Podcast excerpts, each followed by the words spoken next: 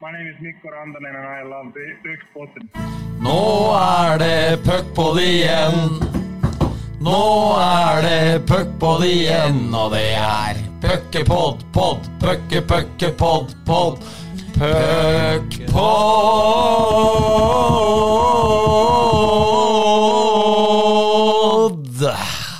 Ja, det er puckpod igjen. Det er det. Det er eh, meget deilig å være tilbake i manesjen. Vi, vi skal starte med det første punktet du har sendt meg på agendaen, eh, Bendik. Og da, da må vi få litt hjelp av undertegnede og Dima Smirnov fra gårsdagens sending fra, fra CC Amfi, så vi, vi prøver det. er eh, nede og graver ut den til Salsten. Patrick Thoresen har jo åpent mål og bruker Bruker for lang tid der. Rekker å tenke seg om eh, litt for mange ganger. Ja, Det er nesten helt uvirkelig at han ikke skyter der, for det er jo, som du sier, det er helt åpent mål. Ja, Bendik? Det er lyden av en smått sjokkert Dima Smirnov som slår om nærmest på sånn nordlandsk. Det er jo helt uvirkelig at han ikke skyter der. Men eh, Patrick, eh, hvorfor skjøt du ikke bare i åpent mål i går? Var det Salsten jeg fikk passa? Ja, Du ble overraska. Nei, eller Bjerke, kanskje? Nei, det var Bjerke, tror jeg. Ja. Så det, det er jo kanskje det er grunnen, da. Det er jo, var jo sjokkert, som sikkert 5300 andre, at han fikk fram en puck. Nei da. Jeg eh, Ja, jeg følte egentlig at Eskil skulle bli åpen på bakre. At bekken skulle oppå meg, og så, så frøs jeg til litt, og keeperen deres kom over, og så mista jeg egentlig bare mindre og mindre nett, og så, så blei det rør, rett og slett, til slutt. Så mm, ja. Jeg har jo aldri vært i en så skarp situasjon som deg der, Patrick. Rekker man i det man begynner å skate bak mål, og tenke at nå er det 5000 som tenker at jeg burde ha skutt, eller kommer det når du setter deg på benken igjen? Uh, nei, jeg tenker, jeg, jeg tenker vel egentlig nå om jeg prøver å finne en uh, god, god andreløsning. Ja. Men eh, jeg fant jo ikke det denne gang. Så jeg får heller lære av de feilene jeg gjorde der og da, så får jeg gjøre det annerledes i, fra og med søndagen av. Ja, altså jeg kjenner, jeg kjente jo ble ordentlig klam her når jeg kom inn i, i HA-bygget og, og fikk beskjed av deg, Bendik, at uh, dette, dette her skal vi starte med. For det er jo uh, Vi fikk jo litt senka bryn her før vi hadde trykt på rekk, og det kan jo være en skummel åpning, det her. Ja, nei det kan jo det, men han er jo uh, beste venn er blitt konfrontert med mye rart i løpet av de sendingene dere har hatt her, og han kommer jo fortsatt tilbake igjen, så jeg tenkte at uh, det var greit å prøve gårsdagens snakkis sånn med en gang. Ja, og så Det var mye folk på tribuna, men det, det var jo ikke den viktigste matchen som er spilt i, i Storhamars historie. For sjetteplassen var eh, eh, så å si klar før eh, matchen, så det er mulig det var noen teoretiske muligheter, men uh, tenningsnivået har sikkert vært høyere. Vi skal komme mer tilbake til det, men uh, i hvert fall velkommen skal du være, Patrick. Vi setter veldig pris på at du er her for fjerde gang. Jo, takk. Er, jeg er like spent hver gang. og tenker at nå Jeg har jo snakka mye rør her, jeg også, akkurat som Bendik holder på uke etter uke. Så jeg må, måtte gå noen runder med meg sjøl og se om jeg fant noe, noe nytt, uh, nytt å komme med. Så eh, litt, litt blir det. Ja, for i dag er du forberedt, ikke sant? Det er ikke noe vane du har hatt uh, når du har vært og besøkt oss. Jeg har prøvd å forberede meg på, på litt forskjellige punkter som jeg veit dukker opp. Så får vi se åssen det går. Ja, vi gleder oss. Men det eneste er jo at de tystere tipsa som jeg har fått om meg tidligere, er det blitt færre av i dag. Så det er det vært noen represalier tidligere etter eh, når folk har sendt inn eh, tips om at du har vært litt gjerrig på snusen, eller at du har tatt opp eh, eller at du har tilbudt deg å lage papputgave av deg sjøl for å få litt fiskefordeler oppe i Rendalen. Vi har ikke noen sånne ting i dag, vet du. Nei, han kilden din som bor ute i Stangeland, han, han har ikke så mye mer på meg, kanskje. Og det han driver og rører med hver gang, det er jo bare, bare tull. Så eh, når vi kommer inn på det, da, eh, med kilder og sånne ting, som du er flink til å eh, ikke gå ut med, så har jeg hatt eh, gjort min research og har hatt min story på deg, jeg også, Bendik. Ja. Eh, og jeg gikk jo til, eh, til min kilde, da, som, som jeg vet er troverdig. Ja. Og fikk rett og slett ikke lov til å gjenfortelle eh, min dagens røver, som er helt sann. Så det var litt trist. Eh, så han var litt redd for eh, flere ting. Ja. Eh, så, så dessverre så, så, så mista jeg den eh, forberedelsen nå på tampen her. Ja. Flaks for meg, da, hører jeg. Det var nok flaks for både deg og, og, og flere. Ja, det var eh, Det, det var jo litt eh, telefonvirksomhet her i ukene før. Det starta jo egentlig i fjor høst, eh, hvor Patrick huka tak i meg på, på parkeringa, satt på en godbit, og, og den hadde han tenkt å sitte på frem til eh, han skulle gjeste poden igjen. Så ringte meg også i forrige uke, da, men eh, da kom den endelige beskjeden om at eh, dette det blir dessverre ikke noe. Nei. Det, det går ikke. Nei, okay. Det er litt synd. Altså, Når jeg sitter på en eh, historie på deg i ni måneder, Ja. så har jeg jo gleda meg til å komme hit Ja, og, og, fortelle det. Men uh, med respekt til denne kilden min, Ja.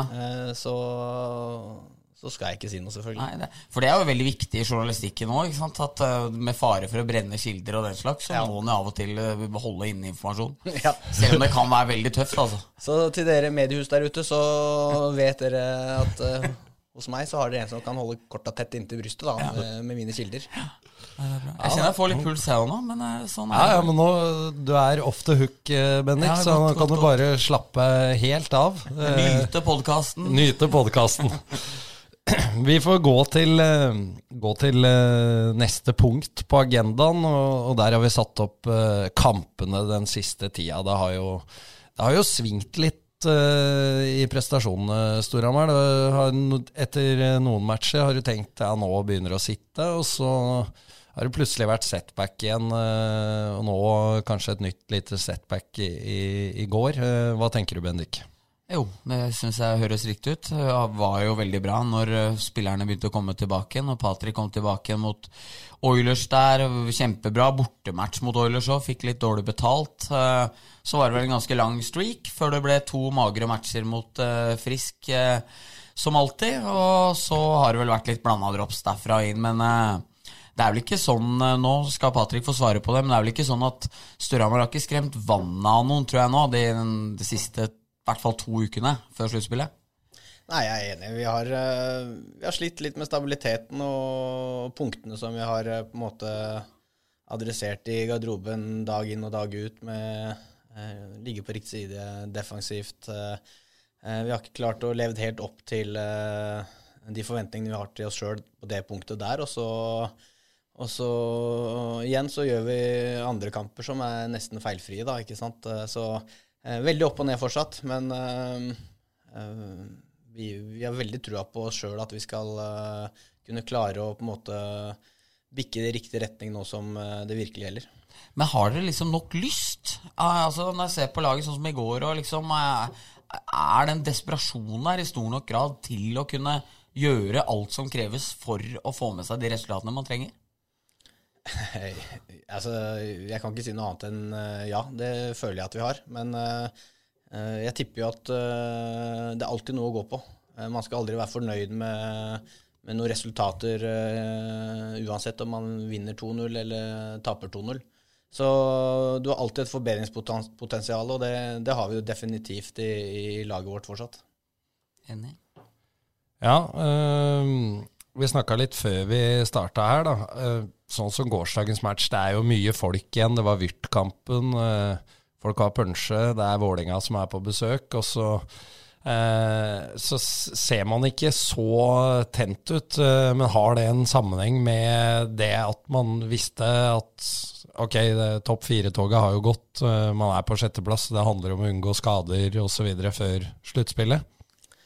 I, altså jeg tenker sånn eh, Mot Vålerenga så, så skal det ha veldig lite å si. Eh, I en sånn type kamp der det er eh, godt over 5000, eh, der rammene er lagt til rette for at det skal bli en bra kveld for uh, Storhamar-fans, så syns jeg at det ikke skal være noen unnskyldninger for å ikke gå inn i hver duell og tekke hvert skudd som uh, er mulig å tekke, Uh, og gjøre de, de, de tinga som på en måte blir veldig verdsatt da, av ikke bare medspillere, men også fansen. Da. Så uh, hvis det var noen som satt med den følelsen at noen holdt igjen, så får vi bare beklage. Det skal i hvert fall ikke skje igjen denne sesongen. Og så tenker jeg at det er jo Nå er jo Storhamar, eller veldig mange på laget, er jo inne i århundrets lengste tryout. Fordi den nye treneren er allerede klar. Det kommer til å komme inn nye folk på sport. De som skal inn i de rollene her, sitter jo og følger med. Altså, det er fryktelig dumt å ikke være mer skjerpa og mer på hugget, tenker jeg, da, enn hva mange var f.eks. i går. Og det som gjøres nå, forplanter seg jo, og det får jo ringvirkninger inn mot sluttspillet òg. Det er jo både for, forhåpentligvis for Storhamars del så skal både Øksnes og Bresjak inn nå. Det betyr at to backer som spilte i går, mest sannsynlig skal ut. Kanskje tre, hvis de skal spille på seks i sluttspillet òg. Og da er det liksom der, blir sånn skuffa, tenker jeg, over å se at de samme følgefeilene skjer hele tida. Man ikke klarer å sette presspillet noe spesielt. Altså, at mange viker seg litt i dueller. Altså, det er liksom Det er Patrick, det er Rønhild, det er liksom de samme som går i bresjen i duellspillet hver eneste kamp. Og det er sånn Jeg har spurt deg om det mange ganger òg, Patrick, men det, jeg kjenner jo bare som tilskuer og uh, som liksom en som bryr meg om Storhamar, at liksom, det er litt frustrerende å se at mange ikke er mer oppe i det enn hva det er. Og jeg tenker jo, Du så, pleier å svare diplomatisk på det, at du får ikke gjort noe med hva andre gjør. Men tenk, hva tenker du liksom om det, sånn som f.eks. i går? da? Nei, men Det er noe vi prater om i garderoben òg, og vi prøver å ha god takhøyde og stille krav til hverandre. Uh, hele tiden prøve å få maks ut av hver enkelt spiller.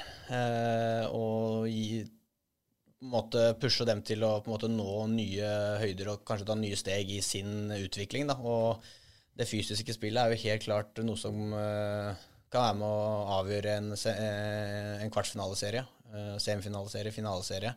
Og det krever jo at det er 20 mann da, som eh, som hele tiden, bytte etter bytte, er med og bidrar. Eh, det kan ikke være tre-fire mann som skal stå for det fysiske, og så er det tre-fire som skal score, og så er det eh, Sånn funker ikke lagspill. Her må alle skippe inn eh, det de kan. og når man kipper inn 10 ekstra i alt, så, så, blir det mange prosent til slutt. og eh, Det prøver vi hele tiden å pushe hverandre på.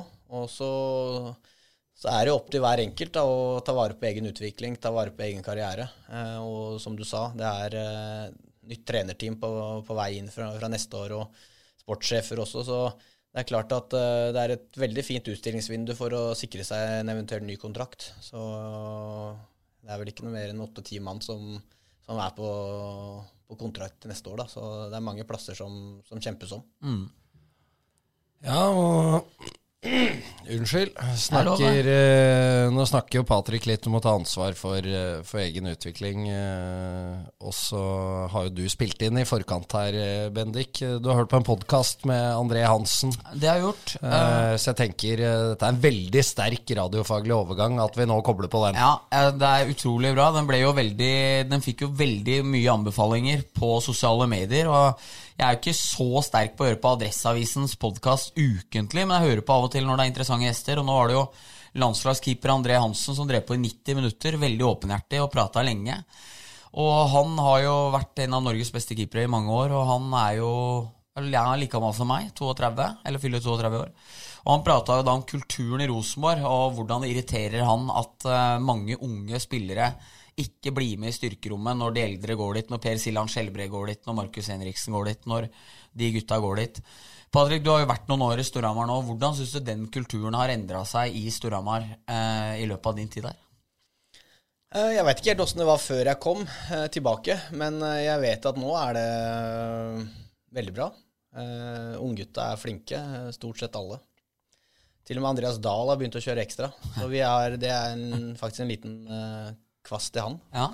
Eh, og det, det har noe med at han har eh, gutter rundt seg eh, som er flinke til å trene. Eh, som har vært i Storhamar i mange år og, eh, og kommet opp eh, nå de senere åra.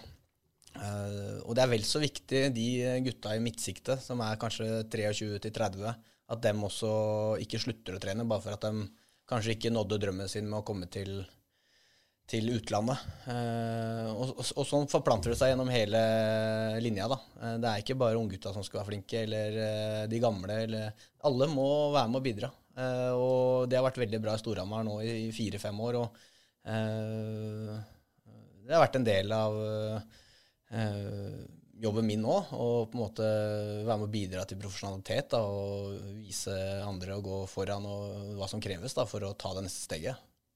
Han prater jo også om det med mobilbruk i garderoben og det å være på når du er i garderoben og rundt laget og den slags. Hvor, eh, hvor opptatt er dere av det og liksom det å på en måte sikre at tida dere er sammen og når det egentlig er trening og den slags, at det benyttes til det? Og, og istedenfor på en måte prate hockey og det dere skal og sånne ting, istedenfor å kunne legge vekk det andre til lunsj og den slags etterpå. Hvor har dere noen klare linjer på det? Eh, nei, ikke sånn egentlig. Eh, vi har eh, mobilfri sone, bortsett fra dem som styrer musikken inne i garderoben der vi skifter til hockeyutstyret. Og så ellers så er det ganske fritt sånn sett. men det er jo Det er ting som kan irritere, da. Etter et tap, f.eks. Det første mm. man gjør, dra fram te telefonen for å sjekke at du har fått en snap av dama, eller det er jo noe i hvert fall vi tok opp tidligere i sesongen. Ja. Da vi tapte noen kamper, og så var det viktigere å komme inn i andre garderoben og dra fram telefon. ikke sant? Det er noe som provoserer meg. Mm. Uh, og det provoserte meg faktisk i Russland. Og da spilte jeg med en kar som het uh, Vitali Hva het han for noe? Dette var UFA. Uh, jeg husker ikke hva Han var kapteinen kaptein vår, i hvert fall. Ja. Og han satt jo og teksta med kona si mellom periodepausene inne i garderoben. og prøvde å gå bort til han og si What the fuck are you doing, liksom? Oh, text my wife. Så bare Why? Don't worry about it. Så jeg bare OK, hva skal han si, liksom? Han var 35 år og uh, liksom, Men det er sånn, sånne ting kan jo bli provoserende. Uh, hvis, uh, hvis, man legger for mye tid da, på, på sånne ting som ikke har med jobben din å gjøre der og da. Ja, det, det, hører vel hjemme på SIL 2, det der, eh, Bendik. Ref. Eh, Strandlis eh, budrunde på sofa i pausa i Ski ishall. det er greit. Ja. Det er greit. Der, er greit. der skal det være helt ja. greit. Men eh, det er der det hører hjemme. Ja, nei, det er jeg helt enig Nei, bare Så det er interessant med det der. For det er jo liksom, jeg ser jo på treningene deres, og jeg ser jo du går jo ofte tidlig av, men du er eh, du er 38 eh, år og har vunnet to KL-er og det ene med det andre, du må få lov å gjøre hva du vil. Men jeg jo irriterer meg litt når jeg ser noen av de halvunge spillere gå av ti, altså Ikke scora på ti matcher, og så er du ikke noe interessert i å stå og terpe litt skudd etterpå, liksom. Altså, hvilke refleksjoner gjør du deg over det, f.eks.? Uh, eh, nei, nå, som du sier, jeg går jo av tidlig, så jeg veit jo ikke alltid Jeg har ikke oversikt på Men jeg vet jo at uh, det er jo noen som vi må dra av isen. Simen André, ja. han må vi jo bare Nå må du av isen. Nå har du skutt 1000 ganger i dag, og kanskje spare litt krutt til i morgen òg. Eh, så det er jo mange som er flinke til å terpe. Så eh, jeg, jeg, tror det handler om, som vi var inne på i stad, litt egen utvikling. Ja. Her må alle gå litt i seg sjøl og tenke på hva er det som er viktig for meg i dag. Eh, hva er det jeg kan eh, eh, trene på for å bli litt bedre. Vi har en Beck-trener som eh, jeg har vært verdens, på verdensnivå i Petri. Gå bort og spør han litt om noen tips og råd. ikke sant? La han jobbe litt med deg hvis, du, hvis det er ting du ønsker å jobbe med. Så man, kompetansen er jo der. Eh, og det handler bare om å ta det ene steget fram og, og tilby deg å eh, bli bedre sjøl. Og dra til seg eh, lærdom. Mm. Ja, øh, kan jo bekrefte det du sier om styrkerommet. Jeg syns jo unggutta er flinke jeg ser dem jo ofte der eh, på dagtid, så med Simen André og lille Pat og gutta, så de, de gjør jobben. Ja.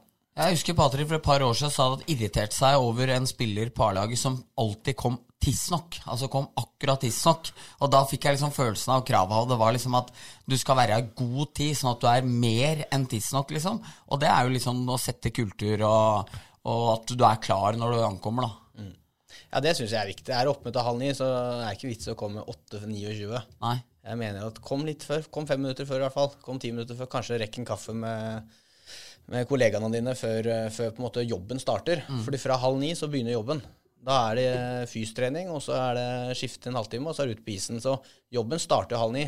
Skal du ha tid til å surre litt med dem og uh, på en måte ha det litt ålreit og sosialt før før, før, jobben starter, så må du komme litt før. Mm. Eh, det det syns jeg er viktig, og det, det bygger jo litt lag òg. Mm. Det gjør det. Eh, Bygd lag, det gjorde vi også, Bendik. Vi, vi må innom det. Vi sa det jo i forrige pod. Vi har deltatt i Norgesmesterskapet i løkkehockey. Det gikk gjort det ganske bra. Gikk ganske bra for Puckpodens eh, utvalgte. Tok oss helt til finalen. bare seire. Der blei det dessverre eh, bråstopp for, eh, for de glade gutter.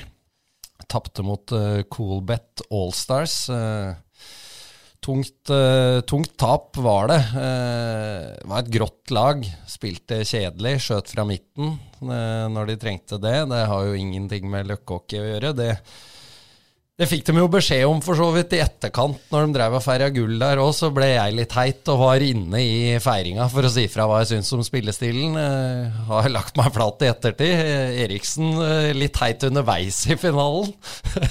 Det er helt riktig.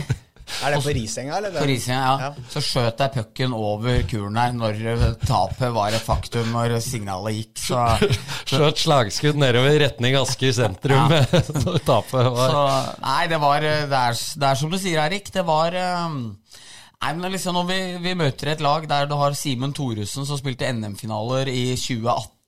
Espen Fanøy Zalo, som gjorde 34 poeng for Friske i en sesong for ikke altfor mange år siden. Og Patrick Patrick, Eriksson. Eriksson. som har vært en god spiller i årevis. Og gutta er så i knestående at de må skyte fra eget mål i motsatt ende. Så han Espen Zalo skal få en kaktus etterpå, når vi, når vi kommer dit. Så jeg kan avsløre den allerede. Men eh, nei da, det var fine gutter som det var gøy å spille mot dem. Og du fikk vel et håndleddskudd av Elia Holstad, så du holdt på å knekke leggen der. der. Så det var, det, var, eh, det var mye som skjedde. Et fantastisk arrangement. Uh, utrolig fet dag. Uh, litt sånn eh, som vi prata om i Askerånd òg. Det var ikke om å gjøre å presse inn flest mulig lag, spille tolvminutters kamper og tjene mest mulig penger, men her var det gratis pizza og brus. Det var en halvtime mellom matcha, alle koste seg. Ikke kosta det så jævlig mye å være med i turneringa heller, så Risenga Open, heter det? Ja. Det var eh, utrolig fett, og så var det kult at vi egentlig var den moralske vinneren. Ja.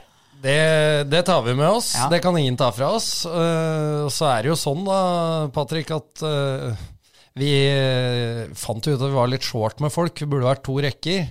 Så skulle du bestemme deg for å legge opp, så, så ligger det en kontrakt på bordet.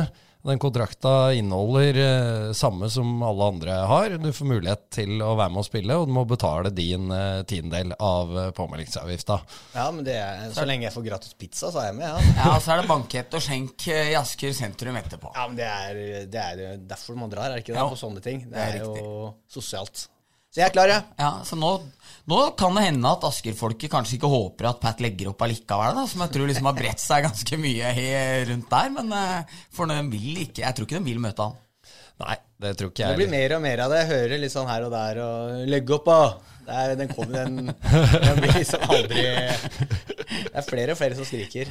Jeg må kanskje vurdere snart. Ja, men det kan, eh, kan bli et bra tilskudd. Vi hadde jo både Anders Gulliksen og Blakseth Huse som stramma opp folk en masse som gikk, eh, gikk for langt der under matcha. Så, så hvis Patrick tar med seg de sinte øynene i tillegg, så kan det bli skummelt. Jeg kan tenke meg Han hadde ikke likt den langskytinga til han Zalo. Da tror jeg det hadde blitt eh, ordentlig stygge bryn der. Men det var vi trodde Det var jo sånn, Vi vant jo, vi slo dem i åpningsmatchen. Leda jo 3-4-0 tidlig. Og da begynte de å skyte fra alle mulige vinkler, så vi skjønte jo det at det var om å gjøre å skyte fra avstand, som egentlig var det lure. Men som Eirik, ditt eh, kloke og medmenneskelige hode sa, var at det får motstanderne gjøre først, og så får vi gjøre det etterpå. Men Møtte jo spillere som Vegard Barli og Neka og Henrik Aaby og full pakke, så det var jo Nei, det var en stor, stor dag. Og tenk om vi kan ha P. Thoresen 41 der eh, innen eh, Kanskje ikke til neste år, men kanskje året etter der hadde jo vært litt ålreit. Vi, vi kommer sterkere tilbake, men vi er i hvert fall kjempefornøyd med arrangementet. Det var Veldig, en fantastisk eh, dag, og, og gratulerer til Kolbeth også. Så, så storsinna skal vi være. Ja, og endelig kan vi si noe fint Hva, hva het dere? Team Puckpodden. Ja, Team Puckpodden, ja. Puckpodden Allstars. Puckpodden Allstars ja. ja. Så Nei, det var bra. Ja. Det, det var det. Vi tar inn noen uh, Twitter-spørsmål uh, her. Vi har bl.a. fått inn eh, et evig tema, vil jeg si. Vi diskuterer jo hver eneste sesong. Det er jo køllebruken i Fjordkraftligaen. Jan Tore Lierhagen som lurer på hvor irriterende er det at det ikke slås ned på. At det er eh, Man sier det jo hver sesong at eh, nå skal vi begynne å ta det. Og så varer det et par serierunder, og så er det i gang igjen. Nei, det er jo frustrerende, det som, som har blitt eh, sagt her tidligere òg. Det er jo den linja Man vet liksom aldri hvilken linje som uh, blir lagt, da. Og det er jo vel mange kamper man Man føler seg fort urettferdig behandla. Og vi er ikke noe bedre enn andre lag, vi, altså. men at man ikke får noen med seg, da. og det det syns jeg er litt synd, når man sier at man skal på en måte være strengere på akkurat den køllebruken i, når det kommer til holdinger og, eller slashinger og, og sånt. Og da, da, da, blir det vanskelig å finne en, en linje for spillerne også. Så vi spillerne kan bli mye mer disiplinerte, og så kan sikkert dommerne være litt mer stabile på, på, på hvilken linje de legger seg på. Så, så blir det litt lettere for oss. Hvordan klarer du å holde deg så disiplinert overfor dommerne? For du er jo en spiller som utsettes for mye køllebruk og holdinger, liksom. Nei, nå faktisk mot øh, Var det Gryner, da? Jeg, jeg, klarte å bli sinna mot Gryner på dommeren. Eh, og det var litt på grunn av at vi, vi hadde pucken i 80% av, øh, av øh, kampen. Og jeg tror uh, etter førsteperioden så hadde de hatt tre på Oakley, og vi hadde hatt ett. Mm. Og da, da, skjønner jeg ikke helt logistikken der. Men da skulle de gå inn og se på noe, og så spurte jeg om skal du gå inn og se på alle hektingene og holdingene, tror jeg jeg satt inn. Ja, Når du skulle se på Rønhild, da? Ja, se på Rønhild, ja. ja. Og da, da, måtte jeg ta, meg, ta meg litt sjøl i det. Og når jeg kom ut på isen igjen etter pausen, så gikk jeg bort og sa fra at jeg Sorry, jeg legger meg flat. Det er unødvendig å skrike det høyt. Det var stille i hallen. ikke sant? Å drite ut dommeren sånn, det er helt unødvendig. Så, så, da legger jeg meg flat. For jeg kan godt ha en diskusjon med dommeren og si hva jeg mener, men øh, å på en måte latterliggjøre foran uh, eh, 1200 stykker, det, da føler jeg at jeg synker litt for lavt. Så da må jeg be om unnskyldning. Ja, det bringer oss inn på neste, neste Twitter-spørsmål, eh, som som jeg har skrevet, at dette er kanskje ikke det lureste å starte en nedsabling av dommere rett før sluttspillet. Og det, nå var du jo ydmyk og fin, som du alltid er, eh, Patrick. Men jeg syns formuleringa til Vegard Larsen var litt morsom. Eh, der han ønska at, at, du skulle rangere dommera fra Halin til ti, hvor Halin er dårligst. altså, jeg har, ikke, jeg har ikke kontroll på hva alle heter.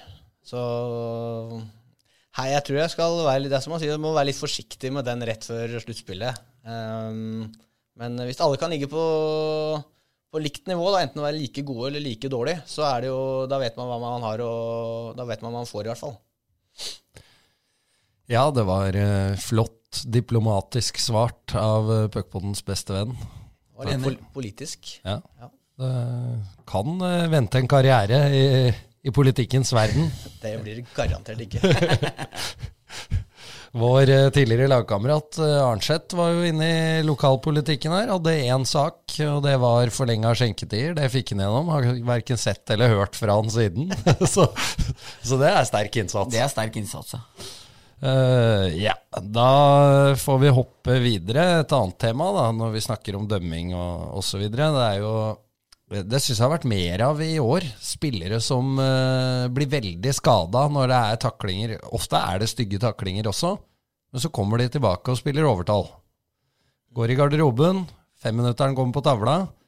Uh, kanskje skulle det vært en femminutter uansett, uh, for at taklinga er stygg, men man er heldig med, med konsekvensen. Men er det en kultur Er det blitt en kultur for at spillere nå går i garderoben for at det skal se verre ut? Jeg syns det er helt fair at folk kanskje går i garderoben og, og, tar en sjekk hvis det er noe hode involvert. Det er på en måte helt, helt, fair. men det jeg syns det er blitt litt ukultur, er hvis det er en, si en knetakling eller en, en, en, sånn type incident, da, så, så skader du ofte bare ett bein. Du tar jo ikke begge beina. Og jeg har i hvert fall uh, vokst opp med at, uh, og gjort det som en motto for meg sjøl at uh, ødelegger du det ene beinet, så kan du stå på det andre. Og den syns jeg flere skal Det mottoet skal flere leve etter. For det, det handler litt om eh, hva du viser for de som kanskje sitter hjemme. Eh, kanskje du har en eh, mor og en far som sitter hjemme og ser på og ser eh, sønnen sin blir eh, takla stygt. For ofte så er det jo stygt òg, men du har fortsatt et bein å stå på. Og da tror jeg de ønsker veldig at du skal stå på det ene andre beinet og vise at eh, du er ok, istedenfor å bli liggende. Og så kommer du utpå igjen eh, tre minutter etterpå som ingenting har skjedd. For det hadde du klart eh, selv om du står på det andre beinet som ikke gjør vondt. Så litt ukultur eh, har det blitt. Eh, og det mm, håper jeg at eh, hver og en eh, tar seg, til- og, skjerper seg litt. Men er ikke det også blitt litt en konsekvens av at eh, det står vel altså Nå vil jo noen kunne arrestere meg på at jeg ikke siterer riktig, men altså Hvis du skader en motspiller, eller hva det er for noe, står det jo noe sånn står det i boka, så skal du idømmes strengere straff, eller hva det er. Ja, altså Det betyr jo med andre ord at jo lenger du som når dommeren har løfta armen, hvis du blir liggende lenge da, så ser man jo på straffeutmålingen nå at det blir bare mer og mer straff motspilleren får. og Eh, jeg veit jo ikke hvordan alle spillerne tenker, men eh, det å gi seg selv fordeler, uansett om hvor etisk og moralsk riktig det er, det er jo noe alle higer etter, dessverre. Og jeg tror at man kanskje må vekk fra det, da, at det er ikke alltid For du kan bli skada selv om taklinga er helt rein nå, men det er jo det at man dømmer på konsekvens som gjør at det er, eh, dette røret her har begynt, tenker jeg, da. Ja, vi har jo eh, et eksempel for ikke så lenge siden. Eh, Skal jo for så vidt ikke kaste han under bussen. Når Bjerke takler Mikkel Kristiansen i hjemmekampen mot, mot Frisk. Taklinga er jo stygg. Ingenting å si på at det er, er fem minutter og, og dusjen. Eh, Men eh, når Kristiansen da går ned, så, så tenker jeg oi, her har det, her har det gått et kne, eh, noe bånd eller et eller annet. Ser det i reprise, ok, ser mer ut som en lårhøne. Men alle som har fått en lårhøne, hvis du får en skikkelig lårhøne, som det vil være hvis du får et kne i låret når det går i full fart, så klarer du jo ikke å gå på det beinet med det første. Eh, han kommer jo da tilbake igjen etter å ha vært i garderoben, og, og da må man jo utelukke at det er en solid lårhøne eller et eh, kne. Og da skal ikke jeg beskylde han eh, for diving, men hva skjedde da? For eh, det så jo veldig vondt ut, og taklinga var ikke pen. Nei. Men han kommer tilbake rett etterpå. Ja, og så er jo det et spørsmål òg, liksom, altså, eller så er jo det noe å ta tak i òg, fordi altså, det er man ønsker jo at folk skal komme tilbake igjen og spille. Eh, og det kan jo bli ulv-ulv der òg, at man på en måte stempler alle som kommer tilbake igjen, som har prøvd å jukse til seg fordeler òg. Ja, det skal vi være forsiktige med. Og vi vet jo ikke. Jeg syns jo, jo det lille Hamar-publikummet som var til stede mot Gryner, var jo urettferdig mot eh, Birkheim Andersen. Han får en eh, knetakling av Rønhild. Den er ikke veldig stygg. Den er ikke veldig hard. Han eh, blir jo fanga litt av vantet. Han tar telling nede i 20-25 sekunder, reiser seg opp sjøl, går til boksen og er klar med en gang igjen. Han, øh, jeg føler heller ikke at han øh, gestikulerer mye til dommerne eller liksom prøver å påvirke det hele tatt. Jeg mener dommerne dømmer feil. De bør gi Rønhild to minutter, ikke fem. Om at da han kommer utpå en og spiller powerplay da, da mener jeg at publikum må se an situasjonen, og at det blir for meg litt dumt og litt sånn pinlig å skulle pipe på han, for jeg føler han gjør ikke noe spesielt mye mer ut av det, annet enn å få litt vondt når han får en knetakling som faktisk gjør vondt, liksom. Så det er jo vrient for alle involverte i de situasjonene, uansett hva det måtte være.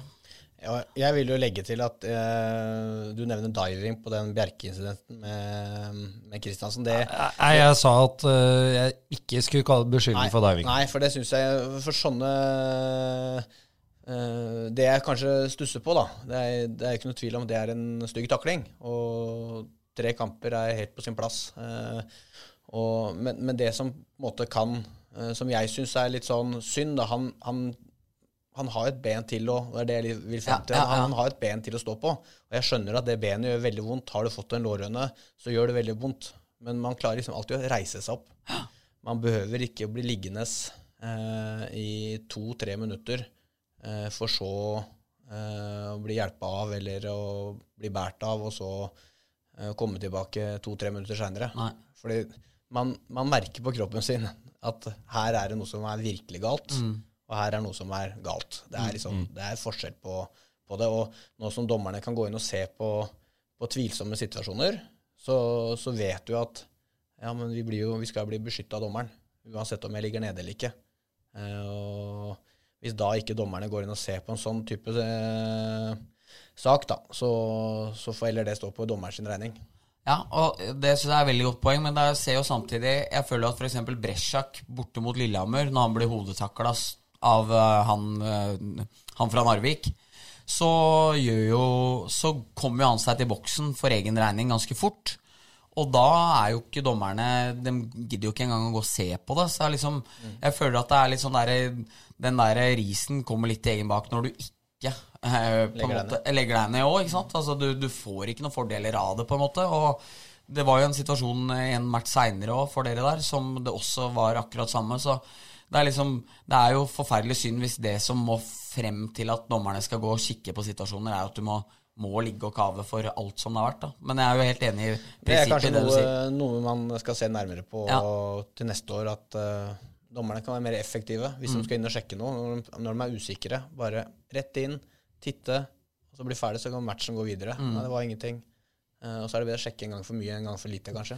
Og, det, og dem kan jo også sjekke det mens Kristiansen ligger på isen nå, f.eks. De må jo ikke vente uh, på Nå blir han nevnt mye her, da, men altså De må ikke, de må ikke, de må ikke vente til en spiller er hjelpet av banen før de går av. Fordi deres funksjon er veldig liten idet en spiller blir liggende på banen det kommer leger på. Det er utrolig sjelden du ser det blir noe gruff eller hva det måtte være. da, At i hvert fall én av dommerne kan gjøre det hvis man virkelig ønsker å få ned kamptida, som man ofte sier at man ønsker å gjøre. da.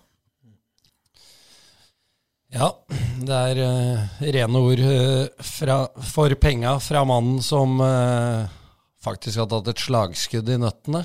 Ja. Veit hva smerte er. Ja, det er smerte, det kan jeg love dere. Da, da var det ikke bare å gå av. Da er det å vri seg litt, altså. Jeg kjenner på vondt bare når du prater om det. liksom. Ja, det, det knyter seg litt. Ja. Altså. Det, det, har vi jo snakka om når du har vært der før, da, men det, det sjuke der er jo at du får litt saga av kommentatoren i etterkant får, ja.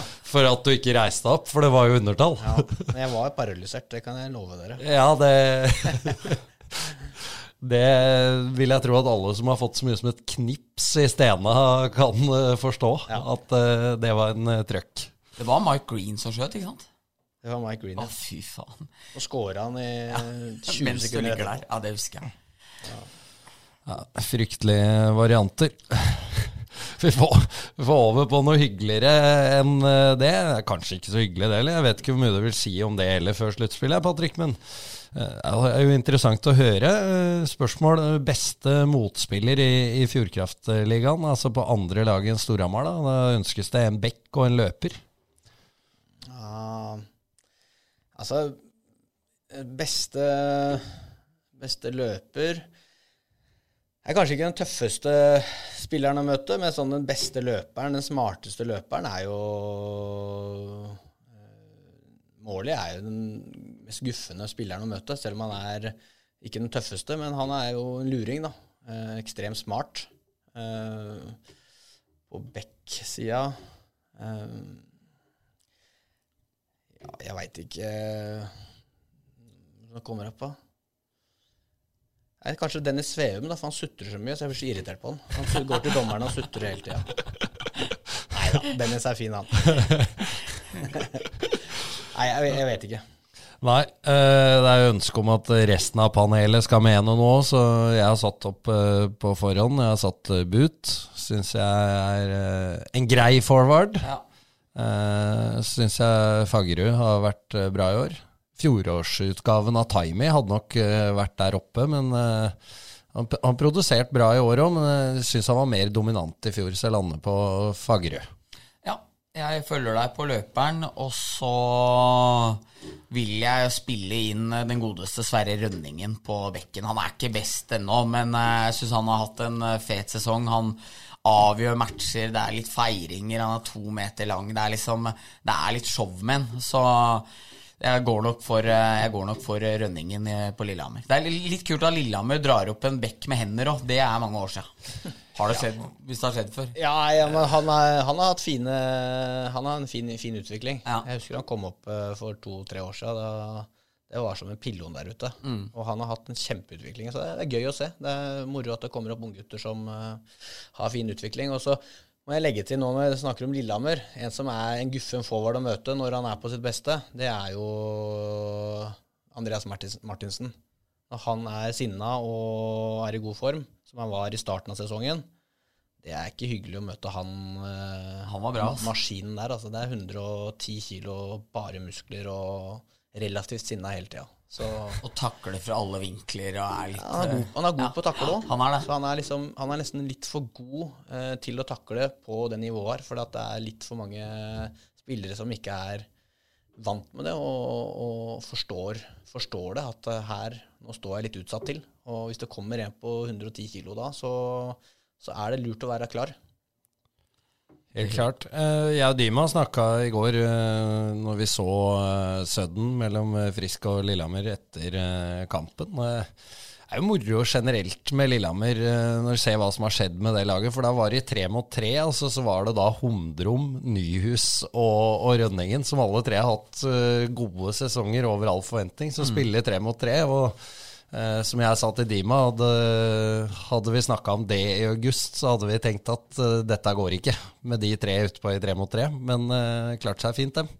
Ja, nei, det er utrolig mange som har hatt veldig fin utvikling. Jeg var jo oppe og negga litt om det på Twitter her forleden òg, at eh, det stempelet Sasha har om seg om at han er dårlig til å utvikle spillere, syns jeg er bare tullball. Og det syns jeg sesongen her viser i år. Har jo dratt opp han Svarstad, han juniorbekken òg, som har hatt en veldig fin utvikling. Så nei, jeg syns dem har fått ganske mye ut av et eh, egentlig ikke spesielt godt lag, så det skal de faktisk ha for.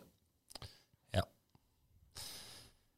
Skal vi eh, snakke litt om pølser, da? Det er jo et eh, tilbakevendende tema i poden, Bendik. Du har jo fått Jeg har kokt dine mine pølser, jeg. du, du har kokt dine pølser med, med dobørste som eh, verktøy. Det er jo ikke sant, hevder du. Nei, det er ikke det.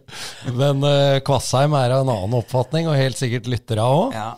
Eh, men eh, vi skal ikke sette deg opp i det hjørnet igjen nå. Nå er rett og slett spørsmålet til Patrick, da. Sennep og ketsjup, skal det da være tur-retur, eller skal det være sikksakk? Først og fremst så må pølsa være smakenes. Det må være noe jalapeños eller sånn chili, feit chilipølse eller noe sånt noe.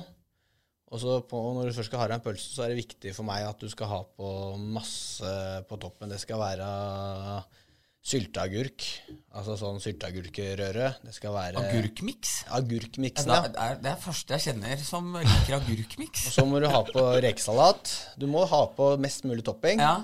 Og så er det tur-retur. Med både sennep og ketsjup. Ja, ikke noe sikksakk-varianter. Nei.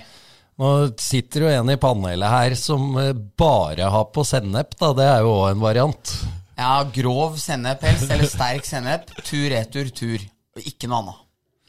Kan være med en hotdog-dressing på baconpølse, for det er, den er litt tjukk. Så da kan det være godt med én tynn stripe med hotdog-dressing. Ellers så er dette ufravikelige sennepskrav, altså. Nei, så er- Ketchupen blir Det er det, det er sånn for besk smak. Jeg vet ikke. Jeg syns det er godt på ostesmørbrød. Greit på Grandiosa. Går ikke på pølser.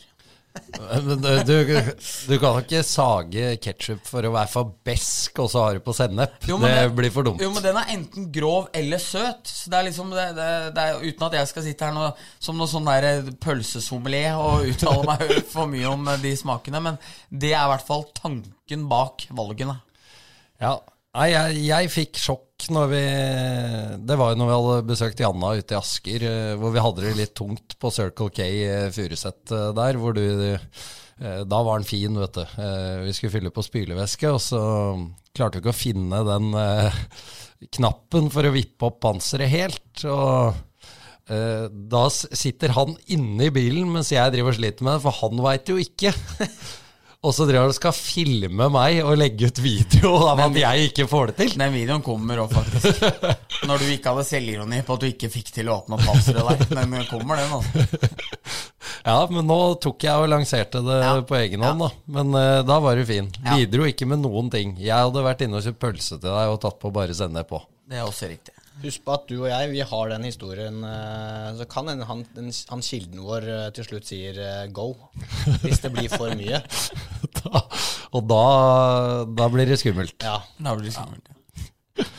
Nei, men Det er godt, Patrick. Da har vi den i, i bakhånd. Skal vi snakke litt om uh, sluttspillet, da? Vi har jo så, vært så vidt inne på det, men uh, Patrick, hva er forventningene nå?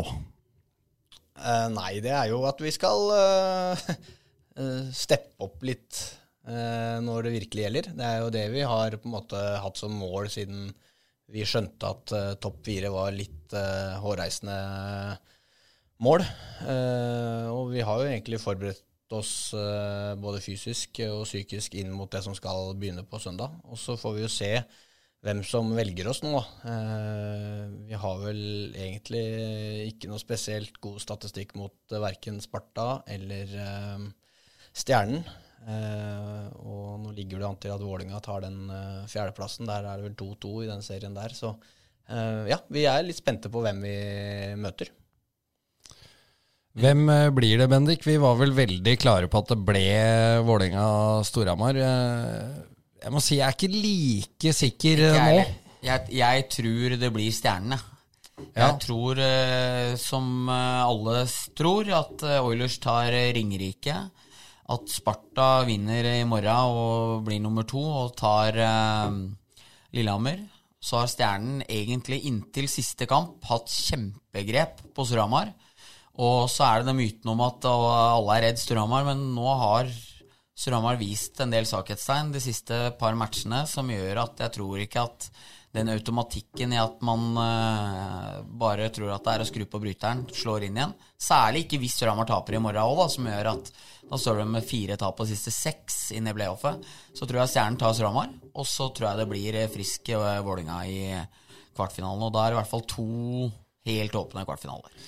Ja, og du har jo gått eh, hardt ut på Twitter. Eh, Nå hissa vi jo på oss eh, både Koba og sønnen i tabelltipsepisoden, og nå har, du, nå har du også klart å hisse opp mor på Ja. Twitter siste uka, så Anne Ingeborg ble forbanna, og Koba sendte melding på morgenen dagen etterpå og halvunnskyldte seg, og Ole Einar sendte melding og gliste av det hele på kvelden, så der eh, fikk vi fikk, fikk jeg hilse på hele familien.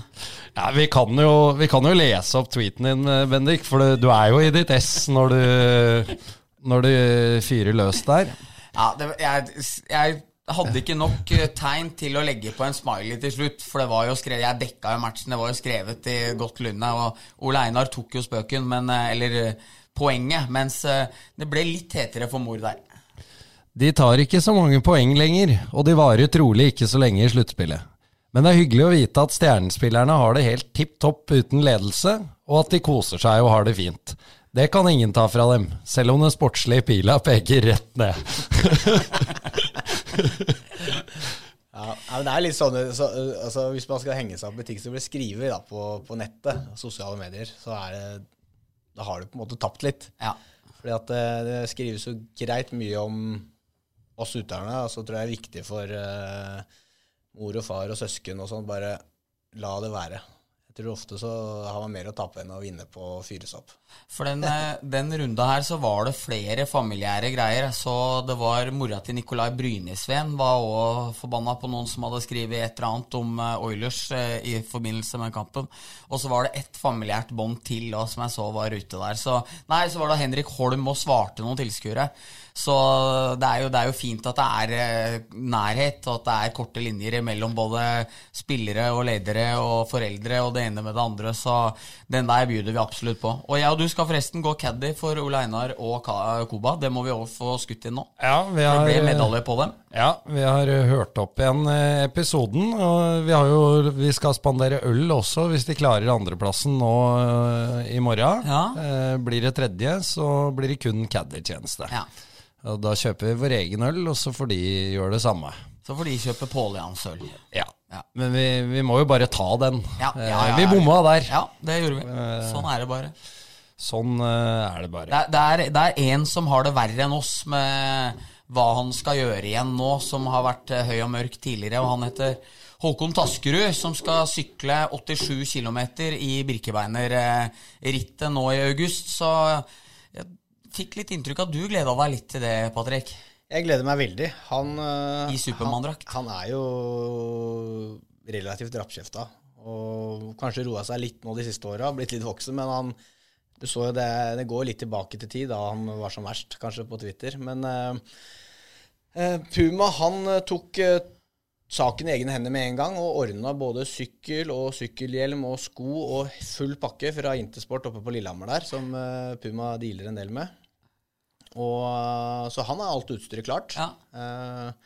Og så er vi en liten gjeng på, på WhatsApp som, som skal stille- stille opp, da. Med, ja, det blir nok flere vannpauser enn det som, som er utlagt i denne løypa her. For han, eh, han kommer til å trenge litt drahjelp. Men han har begynt å trene, da. Så vi skal følge opp. Han skal ikke få snike seg unna dette her. Så da håper jeg dere i HA også er med og følger opp saken hvis han skulle begynne å få høye skuldre. For vi, vi trenger å oute han litt. Ja, nei, han, øh, han trenger det. Eh, Nå er det jeg som er utafor, og kanskje noen av lytterne òg. Hva er det Taskerud har eh, Taskerud tvitra i 2014 at hvis Petter Thoresen ble Storhamar-trener Da var jo Petter i Stavanger og hadde kjempesuksess. Det var jo en spekulasjon om at han kom tilbake. Det var det året Sasha kom tilbake om sommeren. Så skulle han sykle Birkebeinerrittet i Supermann-drakt. Skrev han på Twitter. Og jeg visste jo ikke noe om det her, og jeg tror nesten ingen huska det. Men det holder jo at én jævel da, husker den tweeten, kjører den som quoted tweet og legger ut. Så fikk jo jeg se det der ganske tidlig. Jeg sendte en melding til Taskerud om at om han hadde et sitat på hvordan det blir å sykle Birkebeinerrittet. Og så skrev han det der lager vi faen ikke noe sak på, og 100 utropstegn. Så sa jeg nei, men jeg har allerede spurt Patrick og Petter, og de gleder seg veldig mye. Så, så, så her blir det fullt kjør, liksom. Du må bare, du må bare være forberedt. Så skrev jeg det er 87 km, så veit du hvor mye du har foran deg. Og da svarte jo Taskerud at jeg blir sliten med å kjøre bil opp til Rema. Så, så han må ut og sykle. Det er ikke noe å lure på. Det er ikke noe å lure på, da. Nei, men da har vi fått eh, klarert den. Det er, det er bra. Eh, jeg må litt tilbake til det sluttspillsgreiene, for jeg har et, eh, en observasjon som jeg ikke fikk tatt i stad. Og i, i de, denne svinginga i prestasjoner fra Storhamars side Sliter litt med å få satt rekkene, i hvert fall å ha to rekker som produserer, så oppdaga jeg et bilde på det. Uh, Patrick leder jo eh, den interne poengligaen med 20 poeng ned til uh, Salsten. Og det var først eh, 1. mars at eh, Rasmus Alholm ble passert som andreplass i den interne poengligaen. Det er, det er vel et bilde på, på de offensive problemene som tidvis har vært, eller? Ja, det er det jo helt naturlig nok. Og så er det jo også et bilde på at Espen, nei, Espen Eskil Bakke-Olsen har vært skada altfor lenge. Altså, Hadde han ikke ryket godt over to måneder nå, så hadde jo han vært forbi Rasmus for lenge siden. Men det er jo klart det at på, hvis du ser på secondary scoring for Storhamar i år, så er det jo litt for langt opp. Samtidig, ironisk nok, så jo både, gjør jo både Edvardsen og Erik Salsten en kjempesesong hver med poengproduksjon. Men bak dem igjen er det veldig veldig langt da, til ned til de man kanskje håper at eh, kan ligge enda litt høyere i sjiktet. Og det er jo det man har diskutert mange ganger tidligere. Dahl Haglund ligger på rundt ti poeng. Djupvik er jo ikke noe utprega poengspiller, man ligger på tre poeng. Mats Bakke-Olsen har spilt masse i år, ligger på et par-tre poeng. Altså, det er, jo, det er jo ikke spillere som i utgangspunktet skal dominere poenglista, men det er jo de spillerne som kanskje, uh, uten å skulle bebreide dem noe, som er noen poeng bak det man sikkert så for seg. At Solheim også med 13, vel, 13 eller 14, er jo også en kanskje 10-12-13 poeng mindre enn hva jeg tror Mats og Jøse regna på i sommer, da, da de gjorde et lite overslag der. Patrick, har dere trumfkort i ermet? Kommer det noen fantastiske superrekker i første kvartfinale på søndag som, eh, som ingen har sett noe til, eh, men som dukker opp? Uh, nei, det er ikke sikkert. Men eh, jeg tror som kollektivt så tror jeg vi eh, eh, har et uh, potensial der til, å, til at eh, gutter kan dukke opp. Eh, det er vel ikke ukjent i hockeyverdenen at det er spillere som kanskje har vært litt mer anonyme i et, i et langt seriespill, eh, plutselig blomstrer i et sluttspill. Så eh, sånn sett så taler det for, eh, for at vi har en del gutter som kan blomstre nå når sluttspillet begynner. Hvem blir den store hiten som virkelig reiser seg nå fra seriespillet? Nei, men det er sikkert flere av de du allerede nevner. da. Solheim annet. Han har jo et uh, potensial til å både skåre mer og, og skape enda mer. og uh, Djupvik har jo også det i seg, uh, med flere. Vi vet jo at Settegren har et veldig godt skudd. Han har skåret mye mål for Storhamar tidligere. Så det, det er flere av dem som, som på en måte kanskje føler sjøl også at de har underprestert i poengproduksjonen, som eh, fort kan blomstre når, når vi først begynner på søndag. Ikke minst Noer, da, hvis han kommer ordentlig i gang. Ja, absolutt. Han er vel eh, kanskje den med aller størst potensial av alle. Eh, så eh, ja, vi får se. Det er ikke noe det er ikke noe sånn at jeg tror at uh, plutselig så sitter det for uh, fast rekke. Jeg tror at plutselig så kan uh, det løsne litt for eh, alle rekkene. Ja, og når du nevner nord, så snakka vi før vi starta sendinga her. Det var greit å få det klarert før vi eventuelt tar det på lufta. Vi har snakka om det mange ganger i poden. Disse ryktene som oppstår på Hamar. eh, Vi har jo bl.a. fått høre at Nord aldri spiller med deg, Patrick, fordi du ikke liker spilleren Nord. Det, det, du kan få svare på det her, så, så resten hører det også. Ja, det er vel eh, ganske tøvete. Det er jo, sier jo mye rykter eh, kan eh, begynne å bare florere ut av ingenting. Eh, Jakob hadde vært borte i fire måneder eller noe når vi spilte første kamp sammen i, i, på Lillehammer den 4.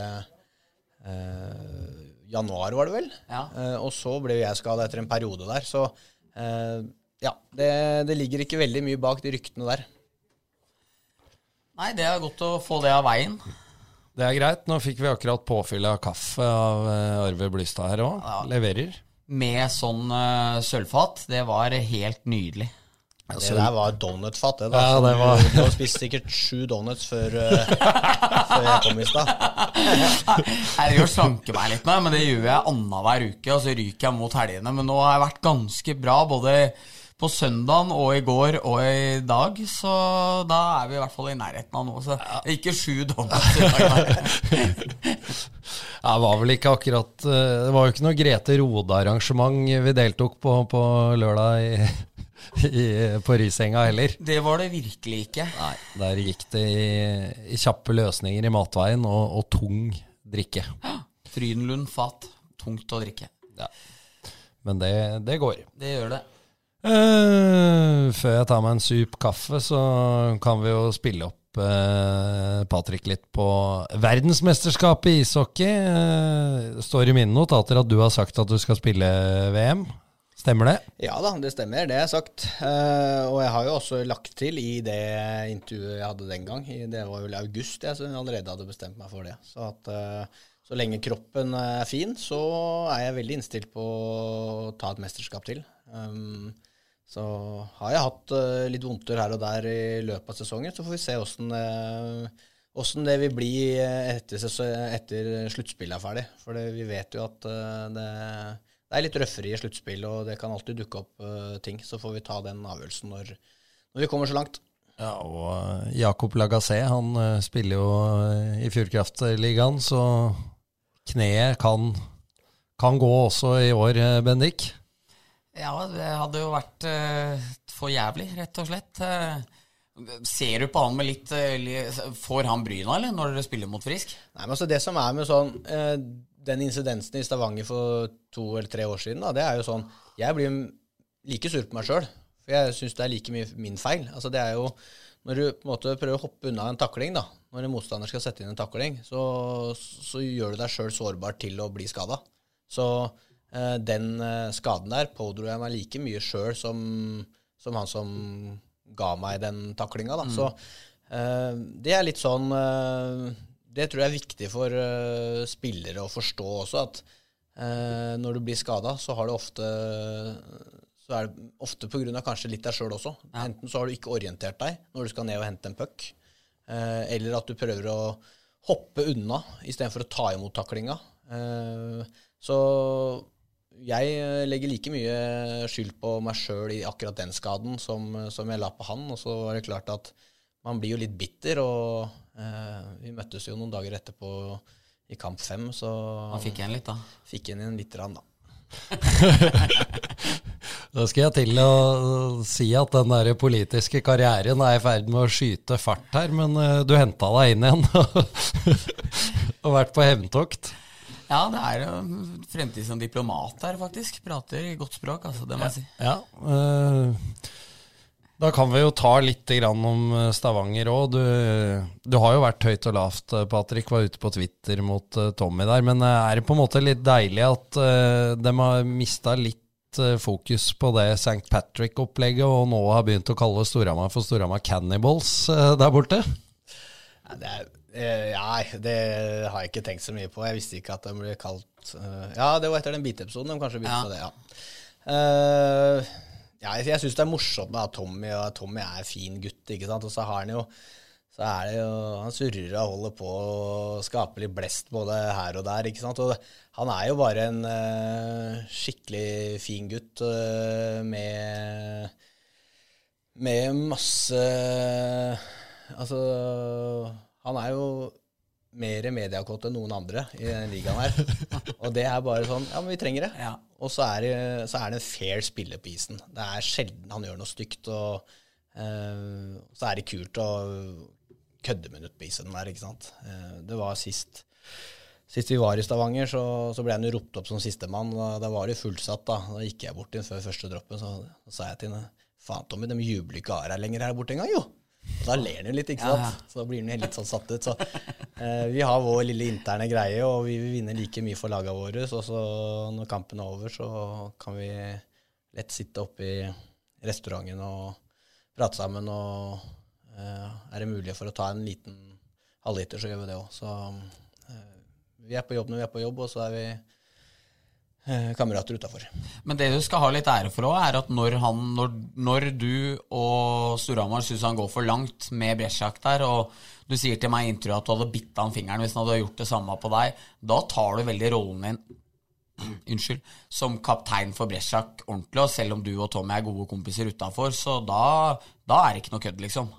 Nei da, og, og, men det mener jeg òg. Ja. Eh, hvis jeg hadde fått en finger inn i munnen, så hadde jeg mest sannsynlig eh, bitt det den eh, av. Og så det er ikke noe sånn der, Så kan det høres veldig tullete ut for mennesker som eh, er utafor, og det, det, det, det lever jeg fint med. Men sånn er jeg bygd, og så er det mange andre som ville tenkt at han der er jo helt eh, helt bak mål. Eh, så, eh, og så er det viktig å føle støtte da, til eh, spesielt kanskje importer, da, som på en måte kanskje ikke får med seg alt og kan ikke språket. Og, så det er på sin plass. Ja, du eh, liker jo å stå for det du sier, eh, Patrick. Hva tenker du om eh, makkeren din, Bakke-Olsen? Eh, gikk høyt ut med Bakke-TV her i, i høst, var vel det? Og siden er det ingen som har hørt noe. Det er gjenstand for kritikk på Twitter. Må Eskil rett og slett ta seg sammen her? Ja, altså det er jo ikke bare Eskil. Det er jo, jeg var jo jeg var jo på en måte med i produksjon av akkurat Bakke-TV, så jeg skal være med og ta litt kritikk på det der. Det var jo først og fremst vanskelig å hoppe etter Virkula Øksa-TV har jo vært ekstremt bra, eh, men han har jo hatt eh, så jævla mye å gjøre med dette huset sitt.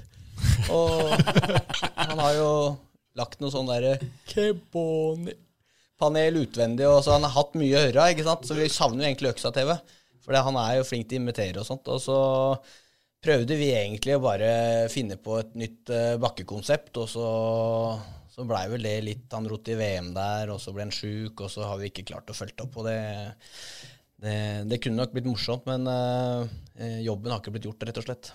Nå er det playoff, nå er det mye buss, nå er det mye Nå er dere tett på hverandre i mange dager. Nå finnes det litt rom, mener jeg, for å være litt kreative og dra i gang Eskil her.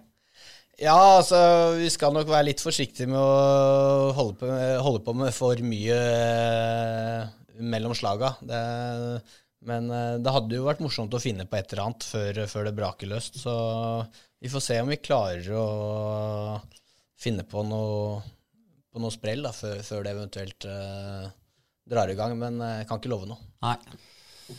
Nei, den som lever, får se. Og vi skal uh, hoppe til uh, ukens røver. Take it away, Bendik. Ja, men jeg har ingenting. Det er, eh, det er, så, det er så skuffende i dag, Erik. Nå, er det, nå har vi ikke gjort annet de siste daga enn å holde på med røvere og fullt kjør. Og så var det jo så mange gode historier på lørdag, men jeg husker ingen av dem. Så, så jeg har liksom ingen på farta nå, så jeg lurer på om jeg må være uten røver denne ene uka her, altså. Ja, det er, eh, det er jo trist, eh, det. det Jeg har en enorm en fra Tor Nilsen, men jeg tør faktisk ikke å ta den. Så da, da tror jeg vi må vente litt, dessverre. Ja, Planen var jo at jeg skulle hoppe inn egentlig og ta ukas røver. ja. Eh, en helt sann eh, ukas røver. Men eh, jeg fikk jo, fikk jo ikke lov, rett og slett, av Kilden. Så eh, det hadde jo vært litt kult å bare bryte inn. Eh, men eh, vi trodde jo at du hadde noe i Ja, jeg pleier, er å, jeg pleier å ha det, men nå er jeg dessverre ikke. Så jeg tror vi bare må hoppe videre i dag. Altså. Ja, det var, eh, var trist. eh, Det, kan det er jo ikke noe røver, da, men jeg kan jo Jeg er litt ute etter Tobias Brustad nå, fordi eh, han presterte jo her for et par ukers tid siden og, og ble sur på meg som spillende trener for Storhamar 2 fordi jeg hadde satt han opp som back i hjemmekampen mot Grüner 2. Eh, Han er back. Vært i 20 år. Uh, og vært det i 20 år. Uh, og da tenkte jeg litt sånn Tredjedivisjon, det er ligaen som har alt. Også backer som blir sure på treneren når de må spille back. Og dette vil jeg ta igjen litt mot han for, så da kan jeg fortelle om den gangen vi var i Stavanger med Storhamar 2, hvor en fortvila Tobias Brustad henvender seg til garderoben eh, på søndagsmatchen der. Eh, Ja, faen, faen, gutta. Sokka mine er, eh, er bløte. Det, det går ikke an å spille. Han var helt, eh, helt i fistel. Så da sier jeg til eh, Brustad, det er et par sekunder på varmepistolen der, så er, jo, så er de tørre med en gang. Det er, det er bare å kjøre. Og så skjer det noe greier på sida, så jeg eh, står jo og snakker med noen andre, og så hører jeg plutselig 'faen, Johansen'. Og da har jo luringen da tredd sokken utapå varmepistolen. og, og satt i gang på full styrke, og det gikk vel ett sekund, så sa det poff, og så var hele foten borte. Da hadde den bare leggvarmer igjen. så, så da ble det barbeint på Brustad i søndagskampen. Det er ikke godt å spille med. Nei, Trodde du at det var hårføner, da, eller? ja, jeg vet eh, Altså, jeg tenkte jo at dette gjør han jo ikke, så det var helt ufarlig. Snudde meg en annen vei, men uh, han kjørte på den. Han trodde det var en god løsning. Ja, det var, det var, det var fin, altså. Ja, men det var hyggelig at jeg kunne bidra en gang òg. Ja, enig. Og da, da ble det ikke noe problem i det hele tatt. Der. Nei, da, da gikk det hjem. Da hopper vi videre. Ukens eh, kaktus og kvast. Da ser vi at eh, han, eh, han med de sinte øynene, han tar opp mobilen. Det lover godt. Enig. Eh, hvem skal starte, Bendik? Han med de sinte øynene. Han med de sinte øynene. Hva skal vi begynne med i dag, da? Det kan du få velge selv. Ja, Vi får begynne med kaktus, da. Ja. Det er jo det som på en måte har irritert meg litt, da. Nå har jo vært litt inne på politikk og sånt. Og jeg er veldig klar over at der kommer jeg ikke jeg til å havne. Men man kan jo alltid ha litt meninger om politikk, og det er litt morsomt. Og da har jeg liksom Ikke at jeg leser meg opp, men jeg har fått med meg at disse politikere da, som har disse pendlerboligene, de eh, kjører jo stadig vekk noen varianter, og det er alltid en ny politiker som har eh, kjørt, eh, kjørt litt sikksakk og vært litt eh, luringer, da. Til det, til det ble tatt, da. Og da var det jo en ny politiker nå som eh, hadde vært lur. Og jeg syns jo jeg blir irritert når jeg leser om det. Eh, så dagens eh, kaktus til meg går til hun derre Hadid. Hadia. Hadia. Tajik. Tajik. Det, Nei, det tiltredes. fordi at det er eh, Det er en visse ting som du bare blir provosert av, og det er en sånn eh, ting som jeg kan bli provosert av. Jeg er helt enig. Og Bendik, det var vel du som sa til meg at eh, det er så merkverdig stille. Vanligvis hvis det er noen skandaler på venstresida, så er jo høyresida veldig kjappe til å, til å fordømme det, og vice versa. Men uh, når disse pendlersakene kommer, så er det ingen som mener noe. og det, det tyder på en del urent uh, mel i posen, da. Og det er jo sånn at Snart en tredjedel av hele Stortinget er jo tatt for ting og tang, og det, jo, det gjenspeiler jo ikke befolkningen. For én av tre jukser jo ikke med skatt og snyter på pendlerboliger og forfalsker kontrakter og holder på. Det er jo liksom Du begynner å lure på Det er jo en sånn samling av kriminelle, liksom. Det er jo Nei, det er, det er helt hårreisende sjøl, så jeg er helt enig med deg. Det er rystende å se hvordan det er. Så- Full, full støtte Ja, der, altså. Puckpodden støtter full slakt til Hadia Tajik og Ropstad og resten av gjengen. Ja, helt enig. Vær så god, Bendik. Du skal få fortsette. Ja, da må vi tilbake til eh, Risenga. Til eh, det å skyte i åpent mål fra eget mål når det er, eh, når det er finale, og du er høy og mørk, og du har partybuss, og du er breial, og du er hjemmefavoritt.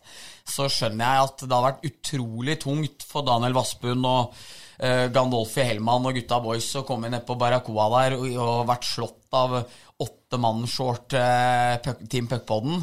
Der jeg tror de trodde at vi var mye dårligere enn vi var. Det var jo faktisk eh, litt selvskryt der. Så var jo folk imponert og trodde jo liksom vi satt og prata av podden her og kunne nesten ikke gå på skøyter. Men eh, der fikk gutta seg en liten, eh, liten eh, eh, lærepenge.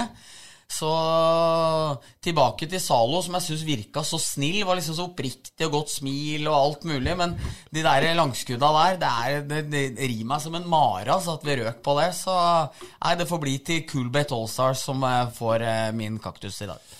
Ja, det, det er jeg helt enig i. Men som Martin Ytterstad sa, vi ville det ikke nok, for da hadde kanskje vi gjort det i like stor grad. Ja. Nei, Vi holdt jo æreskodeksen Ja. høyt der øh, med at vi ikke skulle skyte langskudd, og det, det felte oss til slutt. Det gjorde det. funka lenge. Ja, øh, jeg har egentlig en hel del, men øh, nå skal vi vel ha pod hver uke i forbindelse med sluttspillet, så jeg bør kanskje spare noe. Ta det mest dagsaktuelle. Ja, da er det jo egentlig to ting, da, eh, som begge slo meg i går. Eh, Nå har jeg jeg forhørte meg litt i ishallen i dag, så jeg tror kanskje at jeg skal tråkke Patrick litt på tæra, og det, det gjør meg jo litt varm eh, under armene igjen. Litt tegn på usikkerhet der. Men eh, den første gjelder ikke deg, og det er oppvarming med åpen hakereim. Det sjekka jeg, eh, at du har festa den. Eh, Det er stort sett importspillere som, som gjør det. Eh, Det syns jeg er noe jævla fjas. Hvorfor kan du ikke bare feste hjelmen? Bendik, hva tyks? Nei, det syns jeg ikke ser bra ut i det hele tatt. Det er én ting som er dummere, og det er at de driver og varmer opp uten hjelm i NHL. Ja, det er, det er jo helt på Nei, men jeg, jeg, For du vet jo aldri når Nei, en men- tryner og men- tar beina dine, og da slår du huet i isen, Nei, det- så er det- sesongen ferdig. Det er òg dumt, men det å ha reima åpen sånn bevisst på det, altså hvis du har de ørebeskytterne utover, så ser du bare for meg bare ut som en klovn, liksom. Det er, det, ikke det, er, det er ikke noe fett i det hele tatt. Så der er jeg 100% enig med deg, Erik. Ja, Patrick hadde festa hakereima, i hvert fall i går, så jeg tror du òg er enig. Jeg gjør det alltid. Ja, det er bra. jeg kan jo glemme det, da, men eh, jeg pleier stort sett å gjøre det.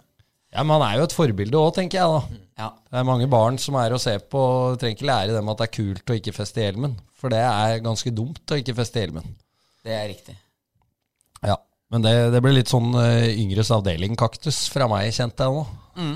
Men, eh, men eh, jeg syns det er idiotisk, det må jeg si. Det andre det er jo den oppvarmingslista til uh, Storhamar. Eh, og det er der jeg er litt nervøs, fordi jeg har fått noe innspill på at det er muligens er Patrick som har plukka noen av de låtene.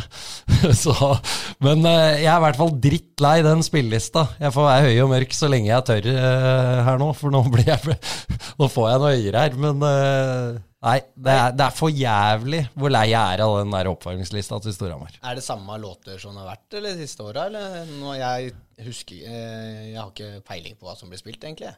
Nei, det er eh, Jeg vet ikke hva sanga heter, eh, alle heller. Det starter med Thunderstruck, det gjør det vel alltid. Den det, må bort. Ja, den må bort. Ja, enig. Den, den har, eh, det er jo en av mine absolutte favorittsanger, men den har nok utspilt sin rolle på oppvarminga til Storhamar, og, og det har resten av den lista også. Nå er det kvartfinaler fra søndag, hjemme på tirsdag. Bytt ut hele opplegget. Få det vekk. Ja, ja, så det Jeg skal eh, dykke litt inn i den spillelista, så skal vi se hva vi kommer opp med. Så, så er det mulig at det ligger noen eh, låter som har blitt spilt nede i hallen her i sikkert 15 år, som sikkert kan eh, byttes ut. Men eh, vi hadde vel noen få låter for et par år siden som vi var inne og justerte litt på. Ellers så er det jo ja, Jeg veit ikke hvem som har valgt, eh, valgt låtene, rett og slett. Så, men det er viktig med bra musikk på oppvarminga. Du kjenner at du det er ofte sånn I Manglerudhallen og sånn kan det være jævla bra musikk. For da tror jeg noen av disse yngre gutta på, på, på Manglerudlaget dem styrer opp litt. Så det er litt sånn tekno det er noen, Asker er litt fett.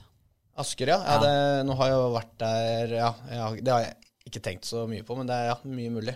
Så, Men det, er, men det er viktig. Sånn Stavanger, der var det Lars Vaular, Lars Vaular og Arif. Ja, Når gutta kom utpå, da ble jeg punch med en gang. Gleda jeg meg ekstra til å se på match, liksom. Norsk bra hiphop der, istedenfor sånne eldgamle, dårlige rockesanger, liksom. Det er eh, Nei, det, det, sånn må til. Der, der strides vi jo litt, Eriksen, når det gjelder hva som er bra musikk. Er, Men eh, du må fall sånne lister òg, da. Men du må få litt matchfeeling. Ja.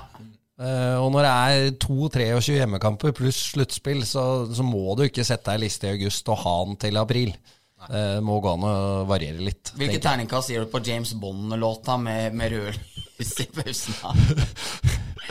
Det er rødme, ja. Eh, Det, nei, det er jo en annen ting som har forbedringspotensial. Skal være litt snill med, med Iversen og Eriksen oppi, oppi boksen der. De er så hyggelige når jeg møter dem Og, i flink, hallen. så- og flinke gutter òg, liksom. Men, du, men da forventer du nesten at det skal komme ned en med en colt i hånda, liksom. Men, eh, men nei, det, der, det, det, blir litt tomt der. Og da, den er sterk, den uh, referansen du drar inn der. Petter Petter Thoresen. I hockeyfeber. Ja. Med Colton i handa og Mener at vi skal komme hjem med Colton i handa? det er når han sitter bak i bussen, ikke sant? Ja, ja, ja. Tok den? Det er veldig bra. Ja, det er kruttsterkt levert, faktisk. Nei, vi må videre. Vi skal eh, rose litt uh, denne uka også, og det er uh, Patrick som uh, starter med det. Ja, nå har det vært eh, sånn eh, aksjekonkurranse mellom uh, Storhamar og, og Frisk og Vålinga. Jeg veit ikke om det har blitt nevnt i HL. Nei, men i hvert fall så har det er gjennom Sparebank1 hovedsponsor for alle tre klubbene. Og vi har vært delt inn i fem lag da, i hvert i hver, hver klubb. Og så har man jo jobba som en rekke, da. Og så har man også jobba individuelt, da. Så da har vi en på laget da, som eh, vant den individuelle konkurransen over seks uker eh, i aksjekonkurransen. Og når vi da sitter på møte på mandag, i den siste, siste avslutningsmøtet med Sparebank1, så viser det seg at uh, Sondre Bjerke har vunnet. Og da blir vi imponert. Sondre sitter der med beina i kors og later som han har lest seg ordentlig opp. ikke sant? Og vi begynner å vi jubler, og han eh, får en fin pengepremie. Og vi spør hva er det du har, eh, det du har uh, lagt penger inne på, for du får jo liksom én million uh, liksompenger å investere, da. Nei, han, hadde, han hadde lagt penga sine i en sånn olje, oljegreie. Og så sier han uh, han aksjemegleren da, som har litt koll, han Nei, det, du har ikke hatt penga i noe olje, du, sier han. Du har jo tjent penger inne på, på transport, du. Så Bjerke han sitter jo der og later som han har full kontroll, og vi begynner å kjøpe det litt, ikke sant. Ja. Så jo mer du selger akkurat det, og liksom du Ja. Faen, Han har lest opp på Bjerke, skolesmart og han hadde jo ikke peiling på hva han Transport. Han, han trodde han hadde penga sine i olje. Men han vant. Av alle de 60 som var med, da, så var han eh, flinkest av eh, alle sammen. Så det er eh, noe å ta seg hatten for. Det er det er kvasten fra meg. Det, er, det går til Sondre Bjerke. Som var den minst dårlige aksje, aksjespekulanten, Ja, rett og slett. ja, det var Men han hadde jo en eh, 23,7 økning på penga sine. Så hadde han, hadde han hatt eh, en smil eh, og investert, så hadde han jo sittet igjen med 250 000 nesten, da, i rene kroner. Ja, det er pent. Ja, og Det er jo sterkt også i konkurranse med Frisk Asker. Ja, For der er det mye Der er det mye potensielle meglere, ser jeg for meg. altså. Ja, jeg, jeg skal ikke jeg, Vi vant jo ikke Vi bøndene vant jo ikke den konkurransen. Den lagkonkurransen, eh, den gikk jo til ja, Jeg veit ikke om det var Vålerenga eller Frisk som tok den til slutt, ja, men uh, tipper jeg Karterud eller noe sånt nå har noen kontakter nede på Oslo Børsen også, så dem, dem, dem har jo De har inside information der nede, vet du. Ja, Det vil jeg tro. Det, det var i hvert fall bra gjort av Bjerke, da, selv om han eh, vel var nærmere at han spilte lotto enn at han satt og investerte. Men eh, ja, vi slutter oss til den gratulasjonen. Det gjør vi. Det gjør vi. Absolutt. Eh, jeg går videre til eh, Nå sa jeg jo det med den Bond-sangen, eh, litt for å kunne dra Petter-referansen. Men til de som styrer kuben, som i går var oppe med Storhamar-sangen i pausa mellom første og andre periode. Jarl Paulsen som legger skuldra legger bagen over skuldra og tar sparken bort til hallen. Eh, Du er vel med på videoen der fra Greveløkka. Petter Thoresen, alle gamle gutta. Tor Nilsen er inne og krysstakler som bare det foran, foran, foran mål. Lars Berseng får eh, hjelmen takla av eh, vantet rett foran benken der. Mer sånne type ting i pausene syns jeg er helt nydelig. Altså Gode, gamle Storhamar-greier der du liksom sitter og mimrer og 'Å, Petter så ung ut der', bla, bla, bla. Sitter liksom Ja, de strømpene husker jeg hadde, liksom. Sånne ting. Det og Storhamar har en så rik og stor historie at man kan tørre å være enda litt flinkere, kanskje, til å, å trekke opp igjen de gamle greiene. Jeg synes det var utrolig gøy å se Storhamar-sangen i går. Og jeg så at mange satt og koste seg og så på det og sang litt med der, så, så ros til det. Og, og i den forbindelse så tenk liksom neste gang, hvis det blir Vålinga nå, tilbake liksom litt sånn som på 90-tallet. Få på Elvis sin In The Ghetto liksom når Vålerenga kommer utpå. Altså, la, pisk stemninga litt mer rundt det. Oss mot den følelse. Kan dette bli helt topp.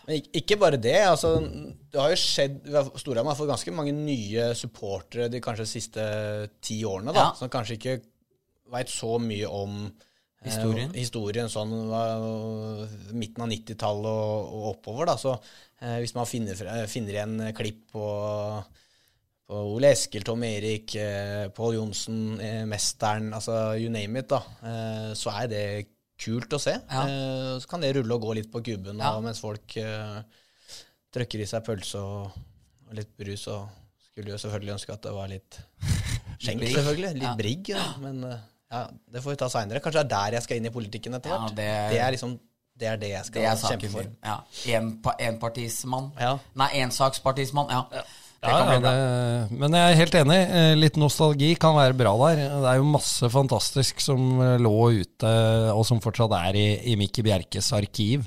Eh, Spesielt fra de klassiske oppgjøra mot Vålerenga på 90-tallet og 2000-tallet. Så det, det er bare å få det på. Ja, for nettopp Vålinga er jo det. Altså, det er jo liksom der, Man er født og gikk på hockeyskolen her fra han var fire år, og sånne ting, men når jeg sitter på Jordal så nynner litt med på noen av Vålerenga-låtene som kommer i pausen, og liksom tenker tilbake på alt det var verdt, eh, alt det var på gamle Jordal og sånne ting. Så jeg syns man kan være kanskje enda flinkere til å bruke sitt eget eh, arkiv i enda større grad. og Veldig godt poeng Patrick har, da, med at mange kjenner jo egentlig ikke til noe som helst. altså Folk husker ikke Mesteren, folk husker ikke Pål, folk husker ikke de greiene der. Så mer av det. Få det på. Og øh, min øh, blomsterkvast, øh, den gir jeg rett og slett til Sparta.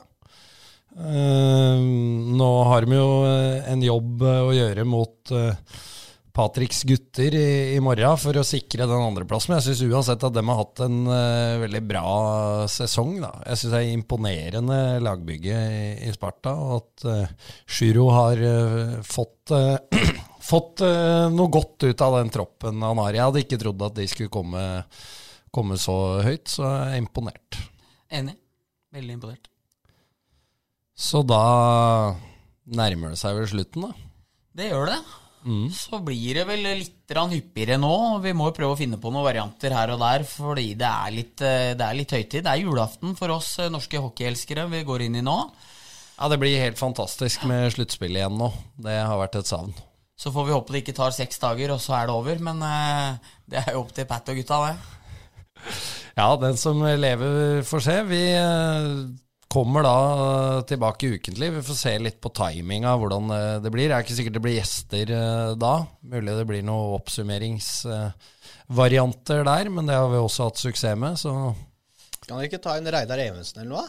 Jo, og så er det en eh, Som jeg skrev til deg i går.